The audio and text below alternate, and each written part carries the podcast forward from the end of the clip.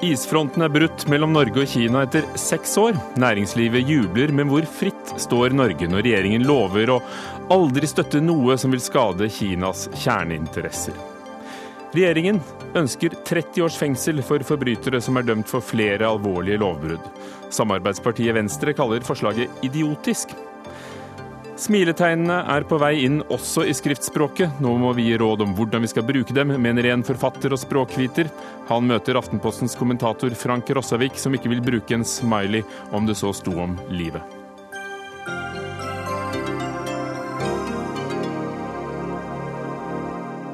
Velkommen til Dagsnytt 18. Vi skal også få siste nytt fra Tyrkia, der den russiske ambassadøren ifølge foreløpig ubekreftede meldinger på nyhetsbyråene er drept etter at han ble skutt på da han holdt en tale i Ankara under en utstillingsåpning nå i ettermiddag. Det kommer vi tilbake til. Dette er Dagsnytt 18, Ugo Fermariello i studio. Etter seks år i kulden er Norge igjen tatt inn i den politiske varmen i Kina. Norge har ikke hatt offisiell politisk kontakt med landet siden 2010, da Nobels fredspris gikk til den fengslede dissidenten Liu Xiaobo. Dette provoserte, som vi nå godt vet, kinesiske myndigheter voldsomt, og i dag annonserte vår utenriksminister Børge Brende at forholdet igjen kan bli normalt. I uttalelsen som Kina og Norge er kommet med, står det at Norge fullt ut respekterer systemet i Kina og ikke vil gjøre noe som kan undergrave forholdet mellom de to landene. Brende sitter akkurat nå på flyet på vei hjem, men jeg spurte ham for noen timer siden om dette betyr at Norge ikke lenger kan være kritisk til f.eks. menneskerettighetssituasjonen i landet. Dette er eh, helt normalt uh, diplomatisk uh, språk. Og vi har valgt å legge denne Eh, disse formuleringene eh, inn i denne presseuttalelsen. Og det det sier, er jo at eh, gjennom at vi nå har fått på plass et diplomatisk og politisk forhold til Kina igjen, så kan vi også ta opp spørsmål som er krevende, og spørsmål som er enklere. De siste seks og et halvt årene så har vi heller ikke kunnet diskutere de krevende spørsmålene. Så vi kommer til å diskutere både frihandelsavtale, norske arbeidsplasser, men også spørsmål som eh, vi, eh, hvor vi ikke deler eh, det samme utgangspunktet. Er det sånn at du er redd for å i det hele tatt bruke ordet menneskerettigheter når vi står her på telefon fra Kina? Absolutt ikke. Menneskerettigheter er en viktig del av norsk utenrikspolitikk. og Vi har til og med fremlagt en egen stortingsmelding i denne perioden. og Vi legger stor vekt på dette. Det som har vært utfordringa når det gjelder Kina, er jo at vi ikke har hatt et eneste politisk møte de siste seks og et halvt årene. Så vi har jo ikke hatt mulighet til å diskutere verken de spørsmålene som er krevende, eller spørsmål som f.eks. Uh, som menneskerettigheter, eller spørsmål som uh, frihandelsavtaler og andre ting som er viktig for norsk næringsliv. Det som er avgjørende i dag, er jo at etter seks og et halvt år med ingen politisk kontakt, så har vi nå fått plass en enighet om et bredt spekter av områder og samarbeid. Du skal få lov til å si det etter hvert, Brende, for jeg har tenkt å spørre om nettopp det. Men, men, betyr det, for å holde fast ved det vi begynte med, at Amnesty Internationals generalsekretær ikke trenger, som han er, å være urolig for at norske myndigheter må være servile og forsiktige? Helt riktig, det trenger han ikke. Eh, de bør eh, også være fornøyd med at eh, Norge nå som vi kunne for seks og et halvt år siden, kan diskutere alle spørsmål med Kina. Som du nevnte. Eh, Hvis Nobelkomiteen skulle gi en kinesisk dissident fredsprisen igjen, for det var jo der det hele begynte, bruddet med de diplomatiske forbindelsene, ville det da påvirket offisielle Norges forhold til Kina i lavere grad enn sist? Det eh, blir jo rene eh, spekulasjoner. Nobelkomiteen er en totalt uavhengig komité. Eh, som foretar eh, sine valg, og det har vi stor respekt for. Og nå, Børge Brende, utenriksminister, jeg har lyst til å spørre deg, Hva betyr denne avtalen for Norge nå? Vi har sett at eh, prisen på, på lakseaksjer har gått opp på Oslo Børs, og dere har fått skryt fra NHO. Men i det store bildet, hva forandrer seg? Det er jo uh, veldig mye som forandrer seg. Det har ikke vært uh, reell politisk uh, kontakt mellom Norge og Kina på seks og et halvt år. Kina er verdens nest største økonomi. De er helt avgjørende i FN-sammenheng som medlem, fast medlem av Sikkerhetsrådet. I alle spørsmål om klima, energi, utviklingsspørsmål er vi helt avhengig av et nært samarbeid med Kina for å kunne ha innflytelse. Så er det ikke å legge skjul på at som verdens nest største økonomi, så betyr også Kina mye for norske arbeidsplasser.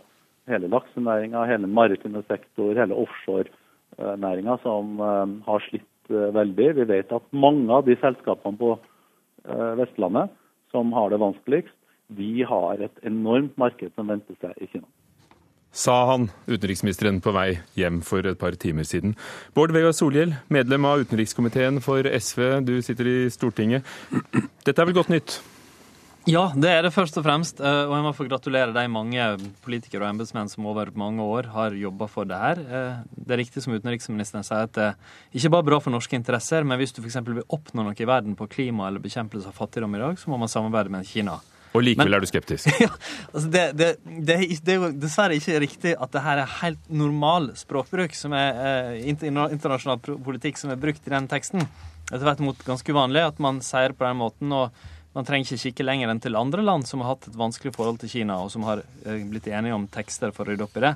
Så finner man ikke den typen hva skal jeg si, en veldig sånn krystallklar formulering om at vi skal holde til, oss tilbake igjen med å fremme synspunkter som er i strid med Kinas interesser og, og major concerns, som det står. Men jeg tror at, vi, at det er lett å se at det er en, både en spesiell situasjon vi har vært i, og det her er òg en spesiell type kort tekst som kan tolkes på mange vis. Og at det vil bli avgjort i praksis, i hva vi faktisk gjør, hvordan vi skal forstå den teksten her. Og da syns jeg det utenriksministeren nå sa, og det òg hans kollega har sagt i Stortinget i dag, er mer positivt, nemlig at vi står fritt, som vi gjør i samarbeid med alle andre land, til å ta opp vanskelige og kritiske spørsmål når det gjelder menneskerettigheter eller andre ting, og at vi vil fortsette å gjøre det. Dersom det er riktig, så mener jeg at det her er klart er en gledens dag, selv om det kan være litt grunn til å stille spørsmål ved den teksten.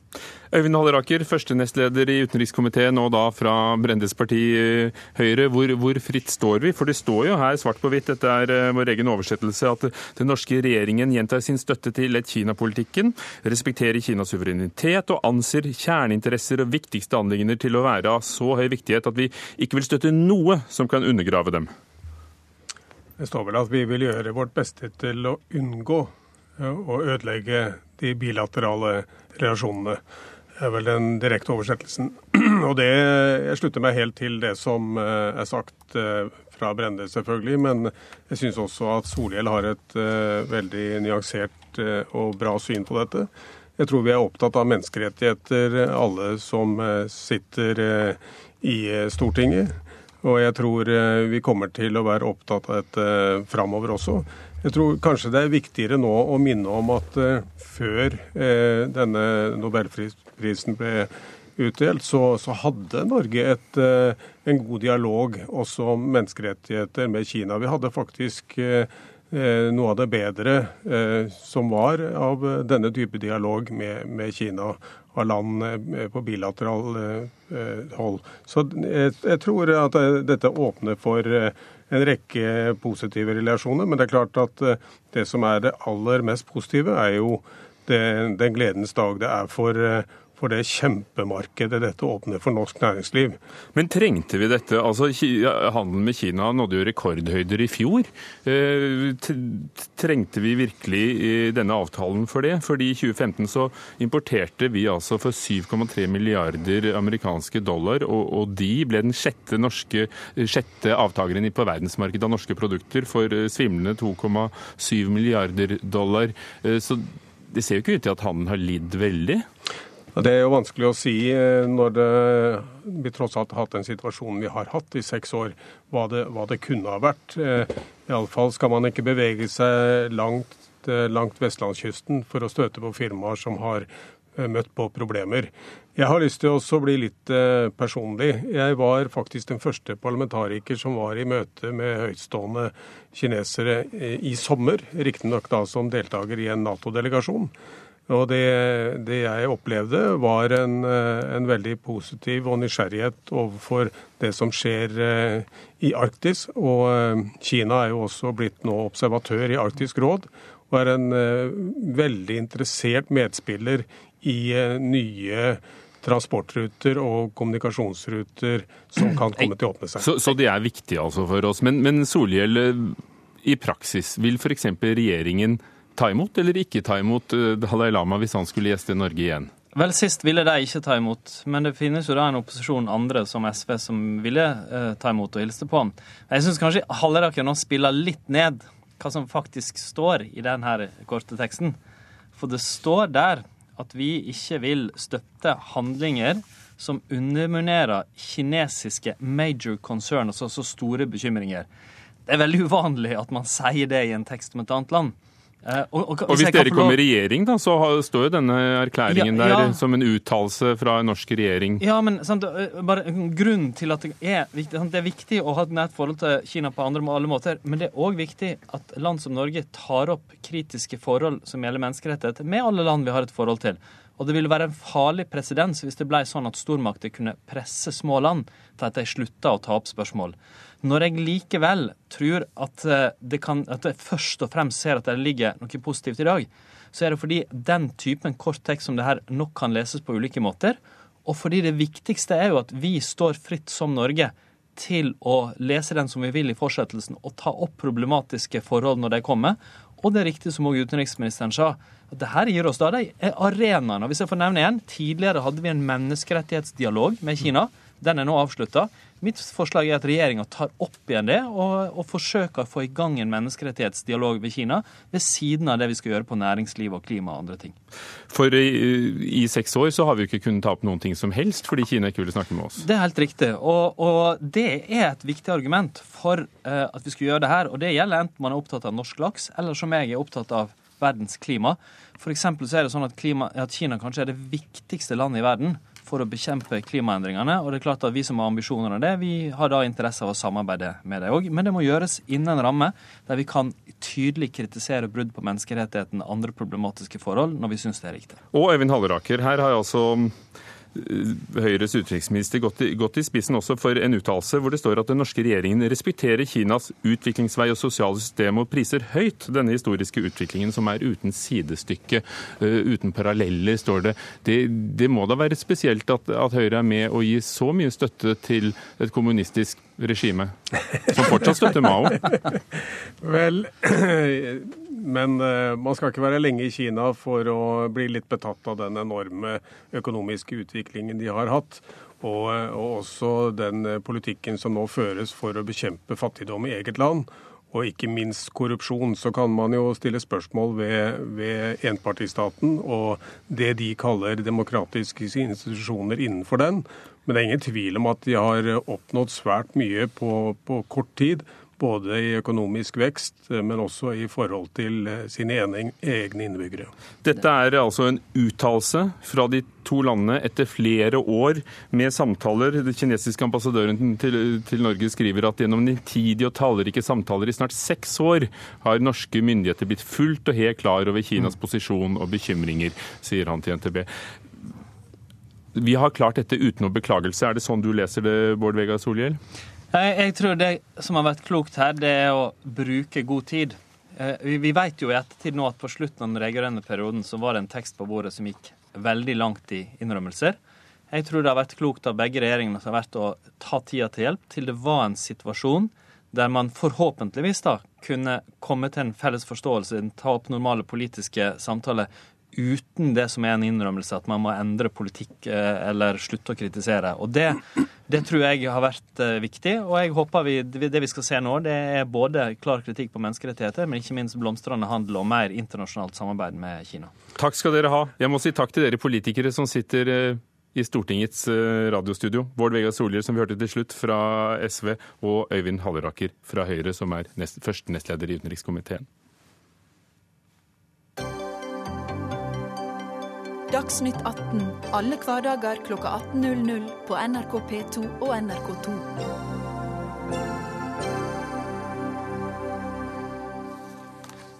Og vi slipper ikke Kina, for her sitter Henning Christoffersen, konsulent og en eh, god kjenner av Kina, og Kristin Dalen, forsker ved forskningsstiftelsen Fafo, og som arbeider nettopp med Kina. Vi kan vente mer blomstrende handel, sa politikerne, men eh, det ser jo ikke ut som disse ti årene med, eh, med isfront offisielt har lagt noe demper på handelen?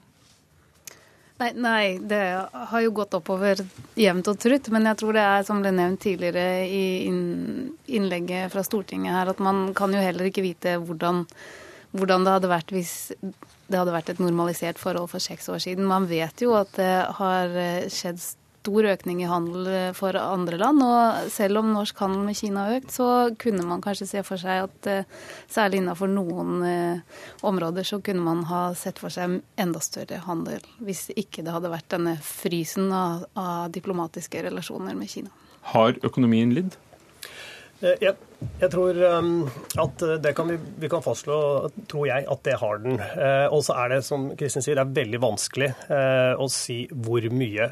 Kina er på ferd mot å bli kanskje verdens største økonomi. Og det er klart at Selv om vi har noen handelsbarrierer, da, så vil vår handel også øke betraktelig. Det er helt, eh, det er helt uh, logisk. Men det viktigste uh, for norsk næringsliv, det er jo at vi nå har en forutsigbarhet i forhold til Kina. Vi har ingen barrierer som konkurrentene ikke har. Det betyr at Kina kan være med i en strategisk planlegging for en posisjonering mot et av verdens viktigste markeder fremover. Og det er ekstremt ekstremt viktig for norsk næringsliv. For å være utelukket fra å ha Kina i en langtidsplanlegging, slik som verden ser ut i dag, for våre viktigste og største selskaper med ambisjoner i Asia, det er uh, veldig vanskelig. Hvis vi skrur tiden tilbake seks år. Hvorfor gikk det så galt som det gjorde? Eh, og reagerte de så sterkt eh, som Kina gjorde mot Norge? For ingen andre land har vært så skjøvet ut i kulden? Ja. dette, dette, har vi jo snakket om mange ganger før. Og det, eh, jeg, jeg, tror at når man ser tilbake igjen, så var det jo i stor grad eh, flere faktorer som gjorde at dette her ble veldig vanskelig for Kina. Eh, Liu Xiaobo var en dømt eh, kriminell i Kina som kinesiske myndigheter mente at hadde utført handlinger som var kriminelle i Kina. Når han da ble tildelt eh, Nobels fredspris, så følte mange kinesere, og særlig da i myndighetene, at dette var en fornærmelse mot Kina og deres indre anliggende. Eh, I tillegg så eh, reagerte de voldsomt på at den norske regjeringen gikk ut og gratulerte med prisen, noe som jo er kutyme og vanlig i Norge, men det oppfattes som at eh, det var der spørsmålene ble stilt om hvorvidt Nobelkomiteen var uavhengig eller ikke.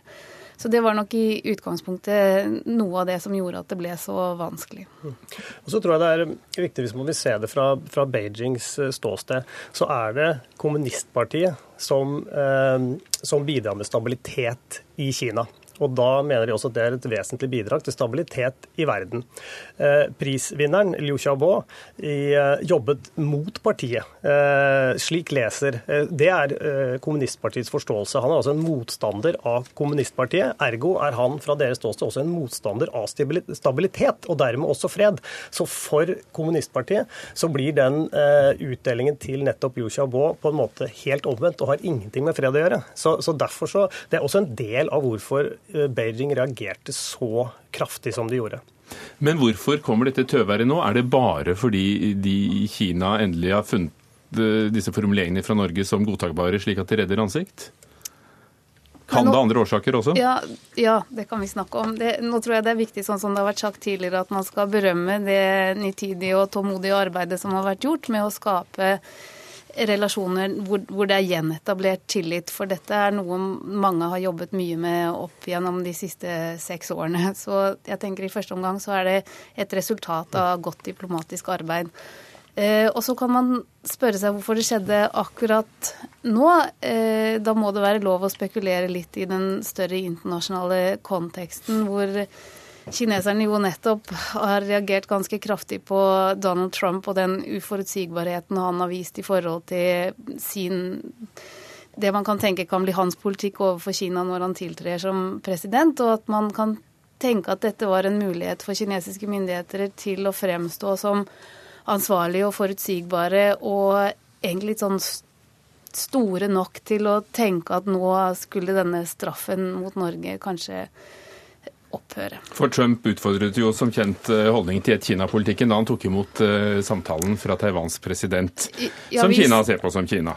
Ja, Vi snakka jo om det her i forrige uke, at, uh, at det var en direkte utfordring til kjerneinteressen av ett-Kina-politikken som, som, Kina ønsker å føre overfor alle, alle, andre stater. Så det var jo en direkte utfordring. Men må, må uh, Norge da godta å skrive ganske sterke ordlag? Og vi har snakket med folk som forstår seg på, på diplomati, at det, det, ganske, uh, det, går ganske langt i, i, uten å unnskylde, nevne nobelprisen som bakteppe for det hele, uh, og i, i å forplikte seg til til å, til å ikke uh, undergrave kinesiske kjerneinteresser, som det står. Ja, og dermed så er det jo ganske finurlig formulert også. Man nevner uh, fredsprisen, men en unnskyldning er selvfølgelig, selvfølgelig helt uaktuelt. For at regjeringen har ikke noe med fredsprisen å gjøre. Så da må man finne andre formuleringer. Og jeg tror det hadde vært helt umulig å komme videre uten disse formuleringene. Og at de måtte gå så langt uh, som de her har gjort. Og, og, jeg er også enig med Solhjell at det er ikke vanlig diplomatisk språk å, å skrive så eksplisitt Kinas kjerneinteresser kjerneinteresser, at man ikke vil støtte handlinger som underminerer dem. Så, så, men, men, man hadde ikke kommet videre uten dette. Men jeg tror et annet poeng også er at Kina nå etter seks år har også nådd et sted hvor det er ikke mer Norge er straffet eh, nok, det vet alle, det har verden sett. Men så har også Kina eh, igangsatt voldsomme internasjonale prosjekter eh, og store internasjonale ambisjoner de siste årene. Og da må de også fremstå som en troverdig og forutsigbar internasjonal partner. De har startet den asiatiske infrastruktur- og investeringsbanken f.eks., der Norge er med. Og da har også Kina nådd et punkt hvor dette, dette ser ikke bra ut lenger. Det er, det er, rett og slett for dumt å ha denne konflikten gående med et så lite land som Norge. Så det er det, de har å tjene på det? det er, for hittil har vi snakket om hva vi har ja, å tjene på det. Jeg, tenker også at Det er jo helt åpenbart, vi er et land med fem millioner mennesker. Kina er 1,3 milliarder. Vi har mer å tjene på dette her enn dem. Men de har også nådd et punkt nå hvor dette er faktisk viktig for dem også. Så det er en sånn, disse seks årene både i forståelse fra begge sider, men også at Kinas interesse nå er også stor for å løse det. Det er jo åpenbart. Og Hvordan er situasjonen for menneskerettigheter nå i forhold til i 2010, da Gyu Xiaobo fikk prisen? Ja, jeg, jeg, var faktisk så heldig at jeg fikk sitte i den menneskerettighetsdialogen som Norge hadde gående med Kina i mange år, før, eh, før utdelingen av fredsprisen satte en stopper for det. Jeg, jeg, tror det er viktig å huske på at eh, situasjonen i Kina da, i dag er ganske annerledes enn det den var for seks år siden. Det er eh, en ny president som sitter ved spakene, og han har eh, nok tatt en ganske hard enda mye hardere holdning til de som prøver seg på å utfordre regimet og opponere mot det. Så jeg tror trygt man kan si at reaksjonene mot de som opponerer mot regimet, og dermed også menneskerettigheter og ytringsfrihet, eh, kanskje har enda vanskeligere kår i Kina nå enn det har hatt tidligere. Takk skal dere ha. Kristin Dalen fra forskningsstiftelsen Fafo og Henning Christoffersen, som er konsulent og også en kjenner av Kina.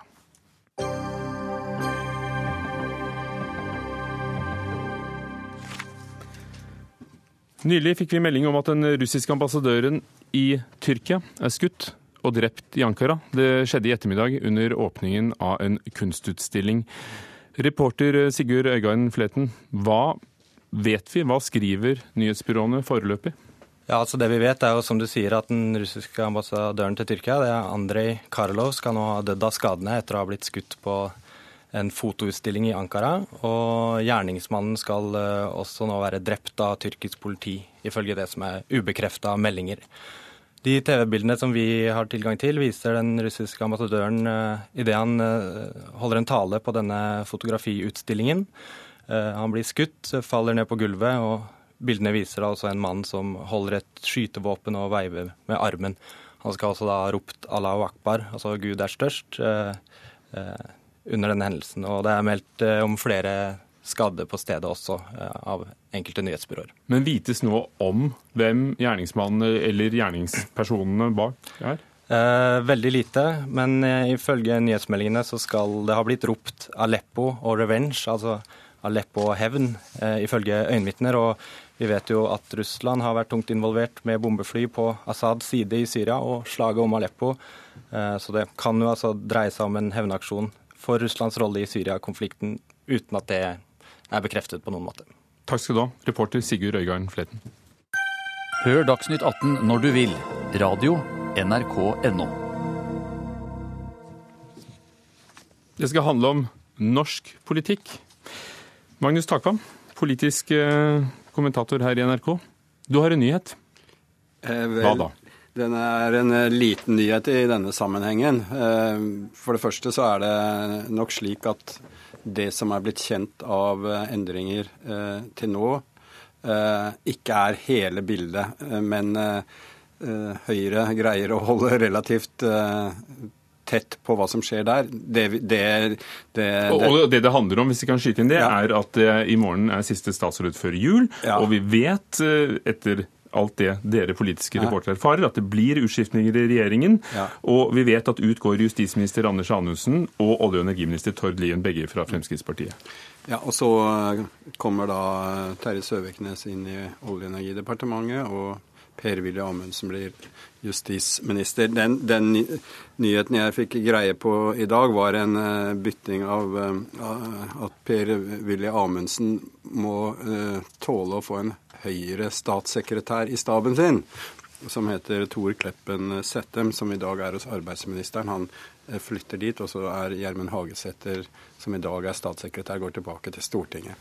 Så det var den lille detaljen. Men som sagt så er det nok eh, Det vil i hvert fall ikke overraske meg om eh, vi i løpet av morgendagen også får høre om at, noen, at det blir noen endringer av Høyres statsråder. Men som sagt, det er, det er eh, ikke lekket ordentlig ut ennå. Og det vi vet, for vi kan si vet, ikke sant, når det gjelder eh, olje- og energiminister Terje Søviknes og Per-Willy Amundsen, eh, justisminister fra og med i morgen, det kan vi si at vi vet.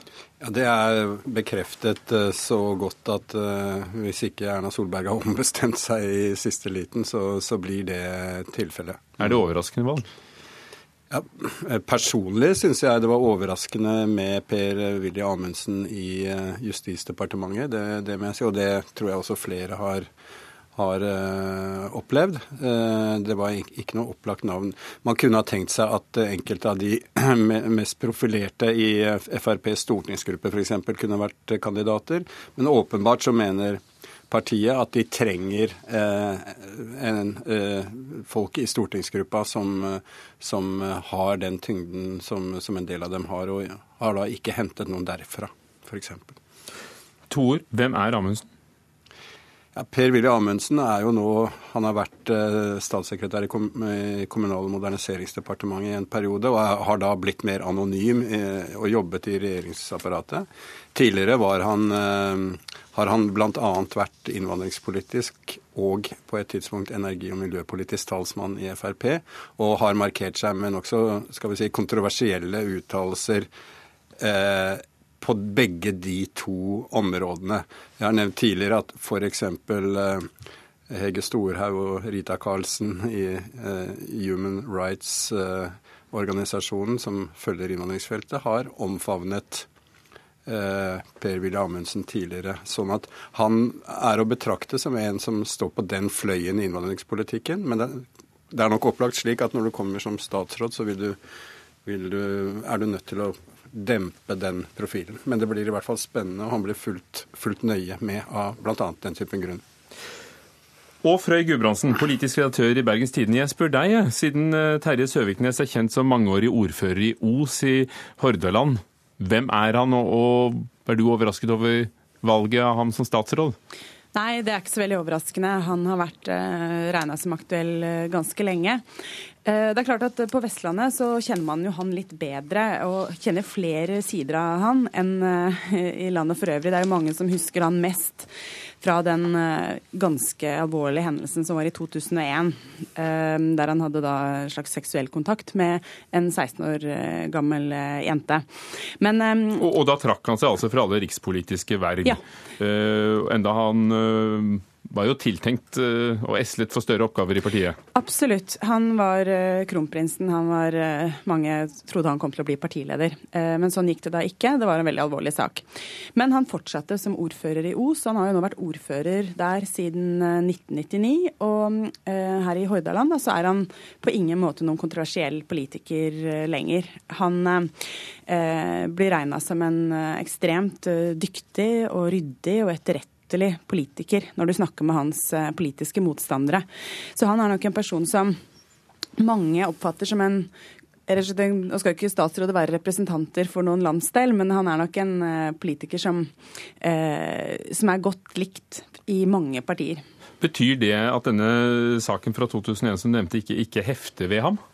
Den gjør egentlig ikke det her. Og det er fordi at um, altså, man kjenner etter hvert så mange andre sider ved han. Altså det, er, uh, det begynner å bli lenge siden. og Han har jo, vært, han har jo også vært sentral i fylkestinget i mange år. sånn at uh, det er rett og slett, Når man tenker på navnet Søviknes, så i denne regionen så er ikke den saken det første man tenker på. Da kanskje, altså nå Forrige uke var det vel han protesterte mot bompenger i Bergen. Kanskje er det den saken man tenker på. Eller kanskje man tenker at han er en litt spesiell Frp-politiker som sørger for et eh, kommunalt kulturhus i Os. Um, så at man har bare veldig mange altså, Man kjenner han fra veldig mange flere sider, så den saken eh, Jeg skjønner at den får mye oppmerksomhet nasjonalt igjen nå, men eh, i Hordaland så, så, er ikke det noe som egentlig hefter ved han eh, overhodet nå lenger. Takman, betyr det, tror du, at Siv Jensen og andre i partiet godt ser for seg ham i, i, i, høyere opp i partiet igjen? Altså For det første så er det jo dette et uttrykk for at Siv Jensen gjerne vil ha ham som statsråd. og eh, Hvis du tenker på opp i partiledelsen, så er det en annen, annen sak. Det, jeg personlig er ikke så sikker på om han blir eh, Frp-leder. men Eh, han var også aktuell eh, og ble vel også spurt om å være statsråd i 2013 etter valgseieren, men da sa han selv nei. Sånn at i Frp er det åpenbart slik at i hvert fall partiet og partiledelsen, og som vi hører her også på Vestland, har man lagt denne historien langt på vei bak seg. Men det er klart, i resten av landet, eh, og sånn som det siste døgnet har vist, så er det klart at denne forhistorien blir brakt fram igjen både i sosiale medier og andre medier rundt, eh, rundt eh, statsrådsskiftet. Gudbrandsen, hva slags kvalifikasjoner har han som gjør ham skikket til, til denne, denne, posten som olje- og energiminister i omskiftelige tider for bransjen i et land som er ganske avhengig av den? Det er vel mest at han kjenner uh, vestlandsregionen særdeles godt og har vært uh, en av de aller mest sentrale politikerne der nå i snart to tiår.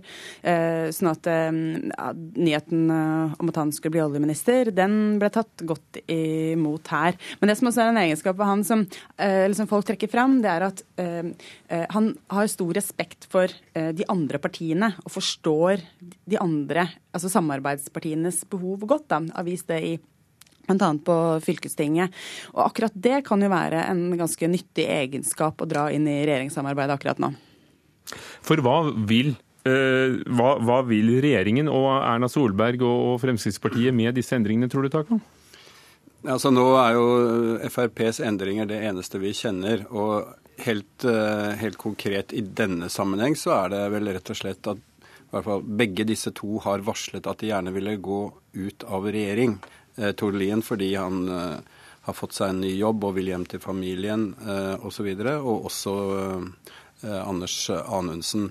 Så eh, det er i hvert fall eh, den, den, helt konkrete bakgrunnen for at vi får nettopp de to skiftene. Så får vi se eventuelt hva, hva nyheten om Høyre bringer. Takk skal dere ha. Magnus Takvam, politisk kommentator her i NRK, og Frøy Gudbrandsen, politisk redaktør i Bergens Tidende.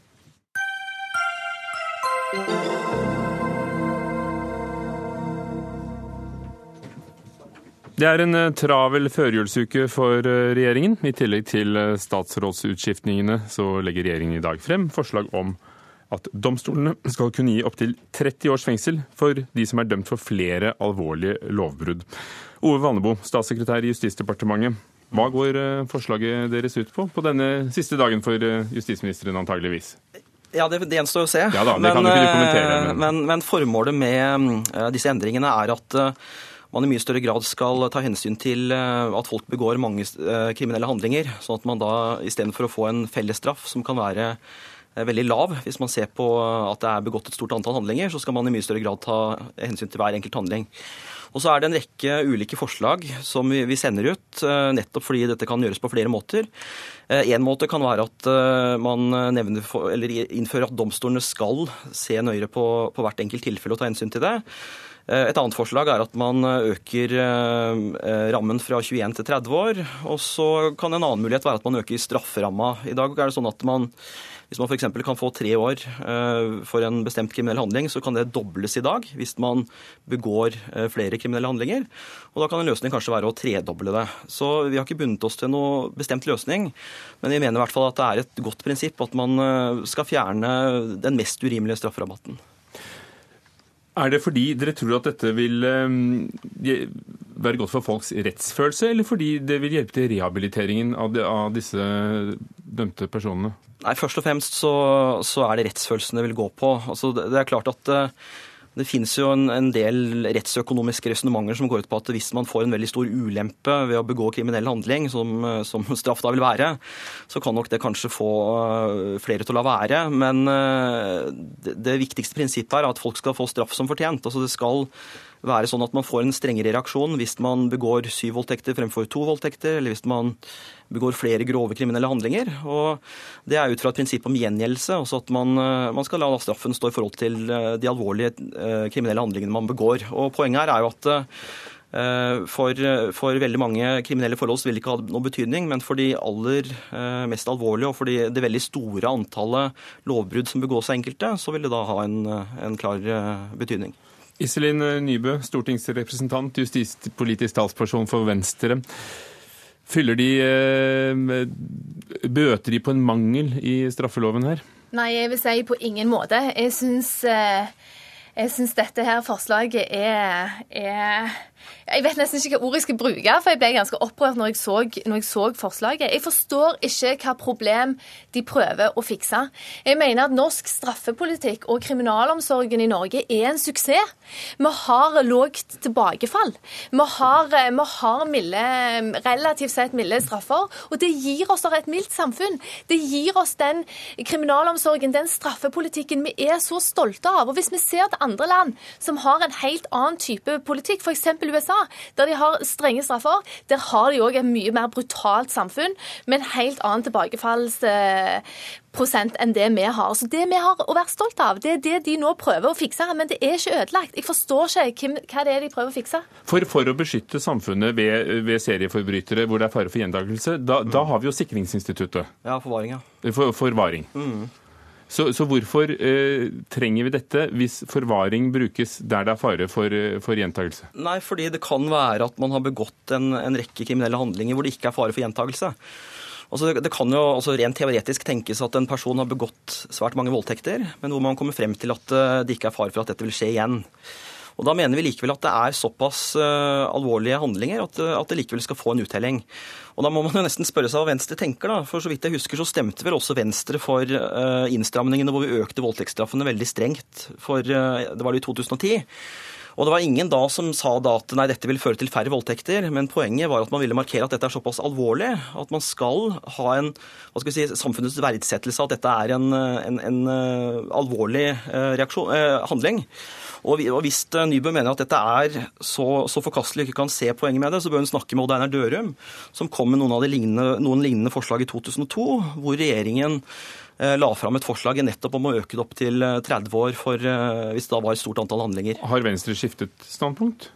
Nei, altså, jeg, Her er det jo flere ting som, som Ove Vanebo eh, tar opp. Og, og, jeg mener det er, ganske, det er, ganske, stor forskjell på det å gjøre justeringer innenfor dagens rammer, som, er, som, er, som vi har gjort i det siste. Eh, og Det handler om å få opp, opp straffene på noen, noen volds- og seksualforbrytelser. Eh, og Man kan òg diskutere om noen andre forbrytelser bør redusere eh, strafferammene. Men det er ganske stor forskjell på det og det å øke straffen fra 21 år fengsel til 30 års fengsel. Men siden vi nettopp har forvaringsinstituttet, eh, så betyr det at vi aksepterer lengre straffer uansett. Ja. Så kan det ikke da også like gjerne ligge i, i, i det, det, vanlige dommen? Men det er jo akkurat det som er poenget. Vi har det forvaringsinstituttet. Så vi har den sikkerhetsventilen som gjelder de som, som, som altså der de mener at fengselsstraff ikke er tilstrekkelig for å hindre at de skal ramme andre sitt liv, helse osv. Det som vi snakker om her, det er, det er ikke de tilfellene. Vi snakker her om f.eks. En, eh, en person i 20 20-åra som havner i et dårlig miljø, har hatt en vanskelig oppvekst, havner i et eh, narkotikamiljø, driver med eh, salg, smugling av narkotika, og så kan du faktisk risikere at du får 30 års fengsel. Og det er en ganske stor del av en person sitt liv. Og hvordan blir det da å komme tilbake igjen? Og så vil dere også, Jeg legger til et moment her før du kan få svare. For, det, for det er jo mange forslag som er sendt ut på høring nå. Men, men dere ønsker også 40 års maksstraff for de alvorligste forbrytelsene eh, mot menneskeheten. Folkemord, krigsforbrytelser, terrorhandlinger. Vil det hindre denne typen forbrytelser? Altså Vil det ha en avskrekkende effekt? Nei, ikke nødvendigvis. For det er jo, det er jo klart at uh, altså f.eks. enkelte terrorister vil jo ikke la seg avskrekke selv om de får dødsstraff. Men igjen så er jo ikke poenget nødvendigvis at man skal ha avskrekking. Altså Poenget her er at det er visse handlinger som er såpass alvorlige uh, at man skal få en, en veldig streng reaksjon. Uh, og, og igjen, uh, Vi kan godt diskutere nivået hvor det bør ligge på, men, men igjen så, så er problemet da at i en rekke tilfeller så vil man da kunne stange dette taket på 21 år. Eh, Vi har noen eksempler hvor eksempel man dreper eh, to barn, utfører seksuelle overgrep osv. Og, så og så vil man da treffe dette taket på 21 år.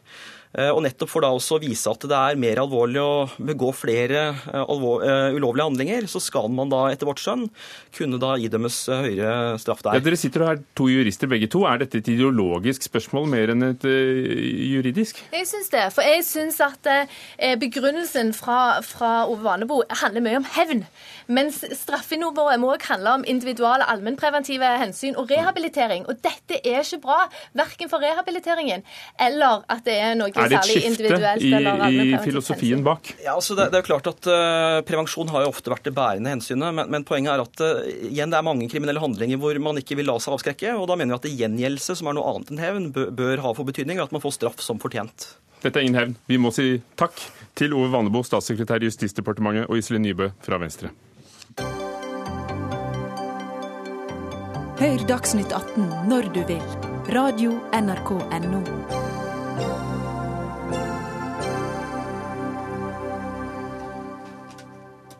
Og her kunne vi ha lagt på et smilefjes i sted, f.eks. hvis det hadde vært en, en tekstmelding for å mildne budskapet.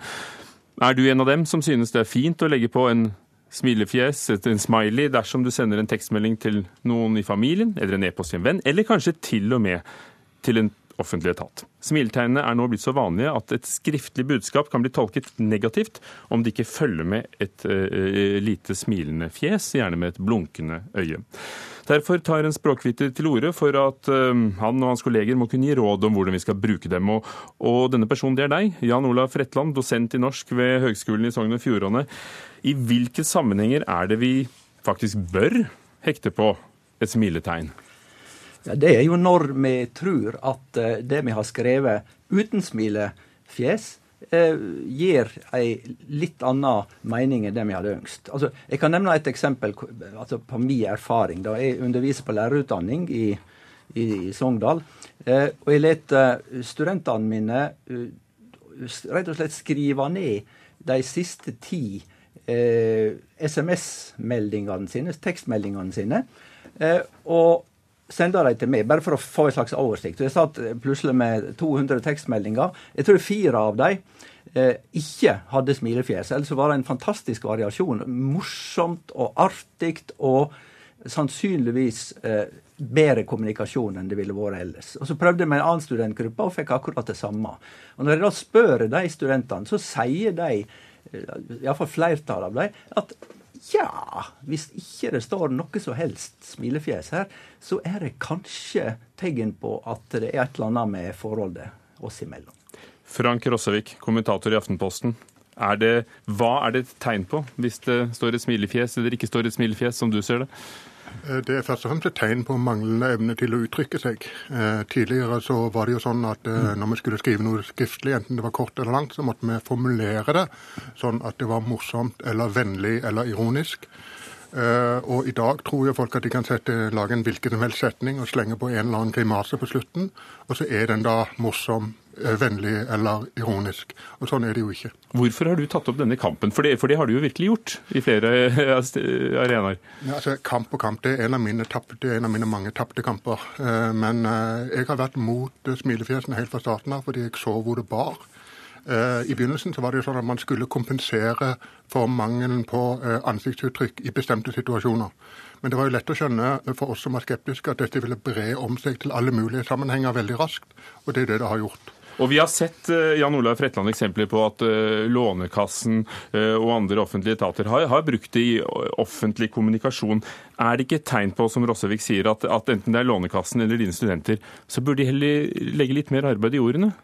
Det er, to, eh, det er to elementer som man må passe på. Det ene er jo at selve verktøyet som vi skriver i, er helt annerledes og mye mer variert enn når Frank Rossavik og jeg gikk på skolen. Altså, det, Hvis du skal tvitre, så har du et visst tall med tegn. Eh, på Instagram, som barnebarnet mitt nå kaller for Insta, hører jeg, eh, hvis du skal sende en SMS, så har du ikke muligheten som Rossavik og jeg har som skrivende menneske når vi vil uttrykke noe eh, og nyansere det og få på plass de aller beste formuleringene. Det, det er en ny vær. Og Frank Rossavik, du må, du må, på en måte ta litt inn over det at eh, de nye verktøyene som vi nå har, de krever en litt annen holdning. Eh, kanskje det er for lettvint, kanskje det er farlig. Men det at og det er ikke bare du som vil være kul lærer, altså? Jeg er ikke, er ikke så spesielt god på eh, sånne smilefjes. Men, men, poenget mitt er at uh, særlig de svakere elevene de har òg bruk for noen råd. Det er ikke sikkert at jeg sier altså Jeg er ikke veldig ivrig på at en skal bruke mye smilefjes. Men det jeg sier, det er at det kan være lurt å gi noen råd. og Hvis en ser internasjonalt Jeg så nettopp uh, noe som heter emoticon etikett i Frankrike, der de da gir råd om hva som er etiketten for å bruke sånne smilefjes, da, eller emotikon, som det heter. La oss høre, da.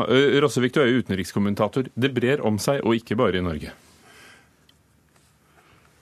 Så, så, altså Det brer om seg med smilefjes og uh, oh ja, Jeg trodde du introduserte et innslag. Nei, det hørtes sånn ut. Nei. Altså, jeg har, jeg har, vært på Twitter i mange år. Jeg har sendt ca. 40 000 meldinger på Twitter og aldri brukt et eneste smilefjes. Det går helt fint. Eh, og vi er mange som bruker Twitter uten å bruke smilefjes. Eh, det går helt fint hvis man bare eh, evner å uttrykke seg og legger litt vilje til å forstå hva, hva andre skriver. Og Det jeg, for, det jeg frykter for, er at ungdoms evne til å grunnleggende være i stand til å uttrykke seg morsomt, vennlig, ironisk, sarkastisk, er i ferd med å koke helt bort. Fordi at de alle sammen tror de bare kan slenge på en grimase på slutten.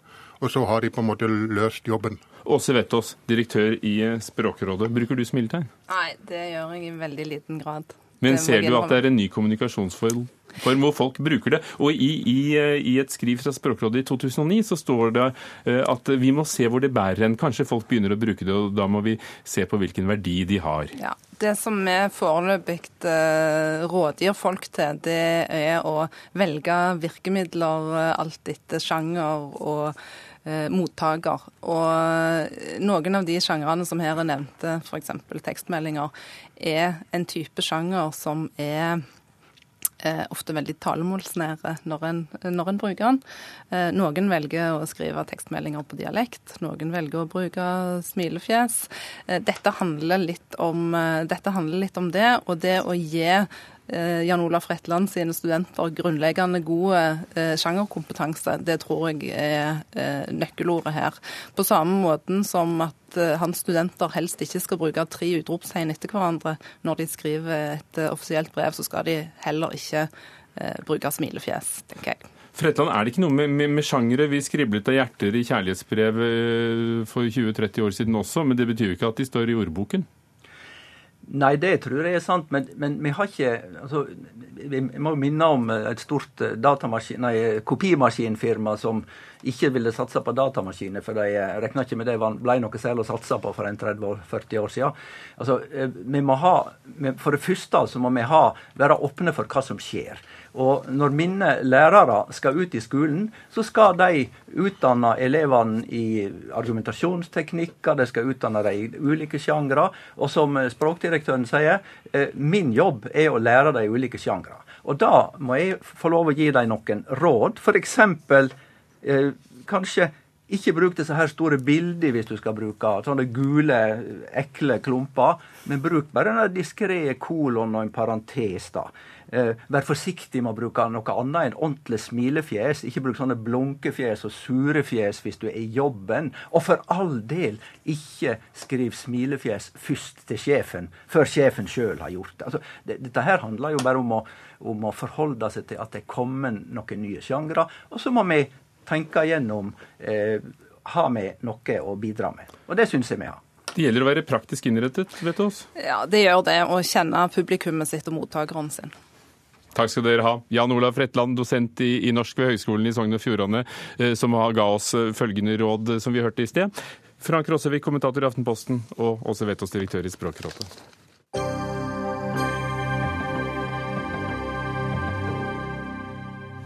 Tidligere her i Dagsnytt 18 så hørte vi at den russiske ambassadøren til Tyrkia, Andrej Karlov, er skutt og drept mens han holdt en tale under en fotoutstilling i Ankara. Gjerningsmannen eh, skal være drept av tyrkisk politi, ifølge ubekreftede meldinger som kommer på nyhetsbyråene nå. Morten eh, Jentoft, eh, vår Russland-korrespondent her i NRK. Hva har russiske myndigheter sagt hittil? De har bare bekreftet på en måte hendelsesforløpet så langt. Dmitrij Peskov, som er pressetalsmann for eh, den russiske presidenten Vladimir Putin, eh, han sier at presidenten er fullt oppdatert på det som skjer. Eh, det kommer også meldinger nå om at et møte mellom Iran, Tyrkia og Russland på utenriksministernivå i Moskva i kveld, det skal gå etter planen. Og det tyder jo på at det som har skjedd i Ankara, ikke skal få noen umiddelbare følger for det diplomatiske spillet som også nå foregår, da, ikke minst rundt det som skjer i Aleppo. For her kommer det bokstavelig talt meldinger eh, mens vi, eh, vi snakker. Vil dette likevel på sikt farge forholdet mellom eh, Russland og Tyrkia, som jo har vært veldig anstrengt inntil nylig? Det har vært anstrengt, og det har vekslet mellom kan du si, vennskap og nærmest eh, krigstilstand etter nedskytingen av dette russiske flyet i november i fjor. Men nå er jo det på en måte det, det forholdet mellom Tyrkia og Russland er jo tilbake igjen nå, slik det var før. Og det er jo Tyrkia og Russland da, som har stått bak denne avtalen om evakuering av eh, de siste opprørerne fra denne enklaven i eh, Øst-Aleppo. Eh, sånn at Tyrkia og Russland har jo nå funnet tilbake til hverandre. og Det møtet som da skal skje i Moskva i kveld mellom Iran, som jo også har vært en nær støttespiller til president Bashar al-Assads regime i Syria, og Tyrkia og Russland, det skal jo da gå etter planen. og det er jo sett eksempel på at faktisk Tyrkia og Russland nå samarbeider igjen eh, ganske tett, selv om de har stått på hver sin side av denne konflikten, borgerkrigen i Syria. Hva er det siste vi vet? For, for her, jo, øh, her utvikler jo situasjonen seg øh, på løpende bånd. Altså 18, denne meldingen kom rett før klokken seks. 18.08 fikk vi vite at, at ambassadøren døde av, av, skadene. Ja, Vi vet eh, ikke så veldig mye enda da. Altså, det ble sagt fra tyrkiske medier at denne gjerningsmannen, da, som da eh, Vi har sett på bilder, dramatiske bilder av dette her, da. Han skal være nøytralisert, da, som det heter da, fra tyrkiske medier. Nå ser vi også at um, eh, FN da går på det sterkeste ut og fordømmer da dette, dette angrepet her. Han skal da ha vært en mann, i alle fall i tyrkisk uh, politiuniform. Men så veldig mye mer vet vi jo ikke om dette, bortsett fra at dette selvfølgelig er et politisk angrep da uh, mot Russland, og antageligvis mot deres engasjement da i Syria. Takk, Morten Jentoft.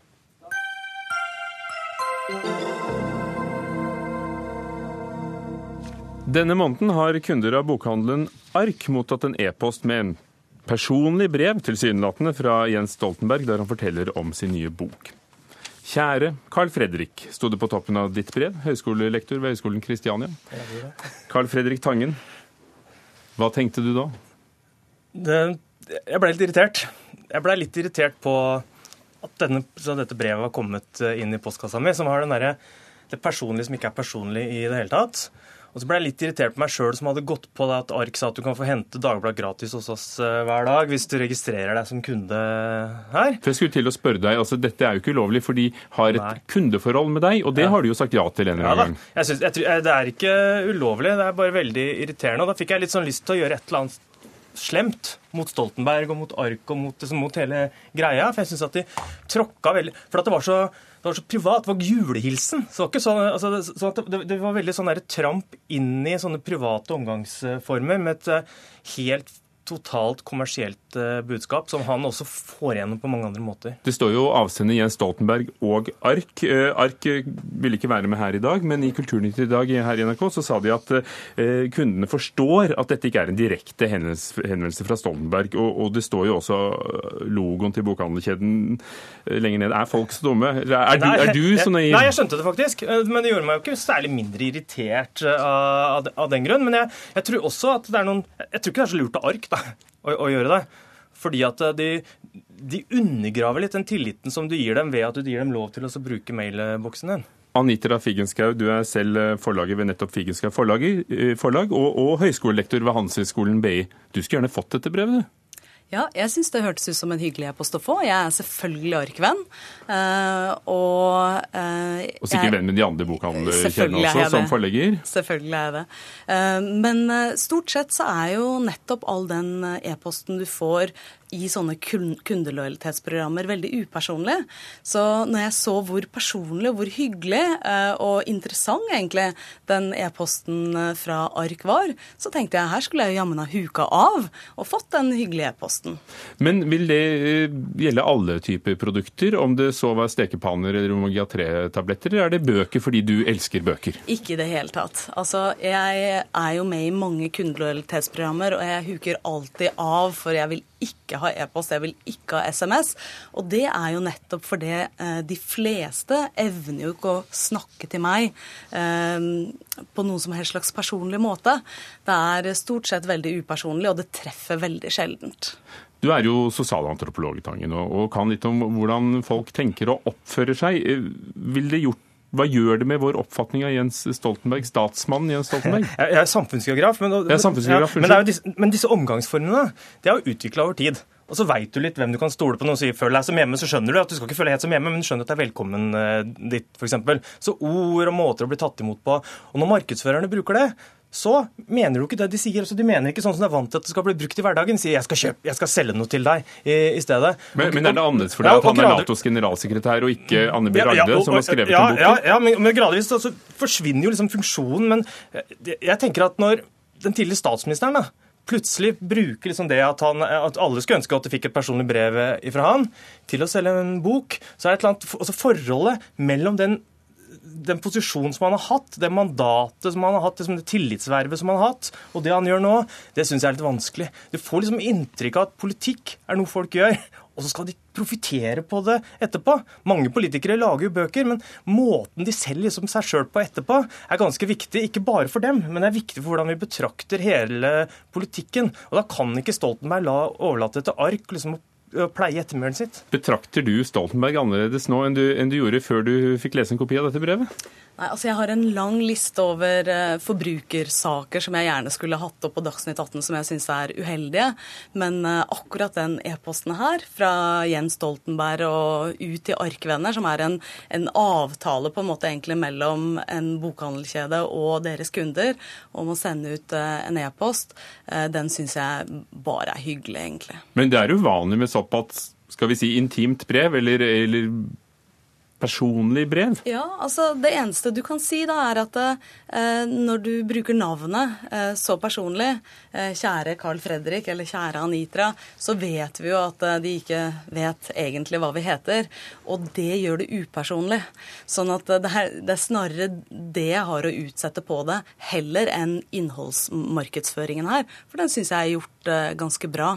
I en tid hvor selv statsledere skriver personlige direkte meldinger på sosiale medier, er, er ikke dette fremtiden også for markedsføring? Det er, for, det er, noe, som blir, det er noe som blir stakkato med det. nettopp. Du, altså, du, det er blitt du som alle. At, du ikke tror, at du ikke tror helt på det, så som Ark uh, sier også. Det blir som en sånn telefonselger som bruker fornavnet ditt for for ofte.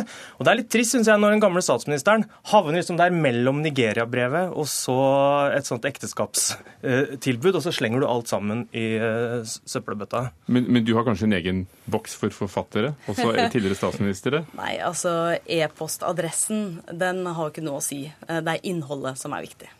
Det syntes vi òg. Takk for at dere kom. Anitra Figenschou, forlegger og høyskolelektor ved Handelshøyskolen BI, og førstelektor ved Høgskolen Kristiania, Carl Fredrik Tangen. Fredrik Lauritzen var ansvarlig for denne utgaven Dagsnytt 18. Frode Thorshaug teknisk ansvarlig. Ugo Fermarello programleder. Takk for i dag.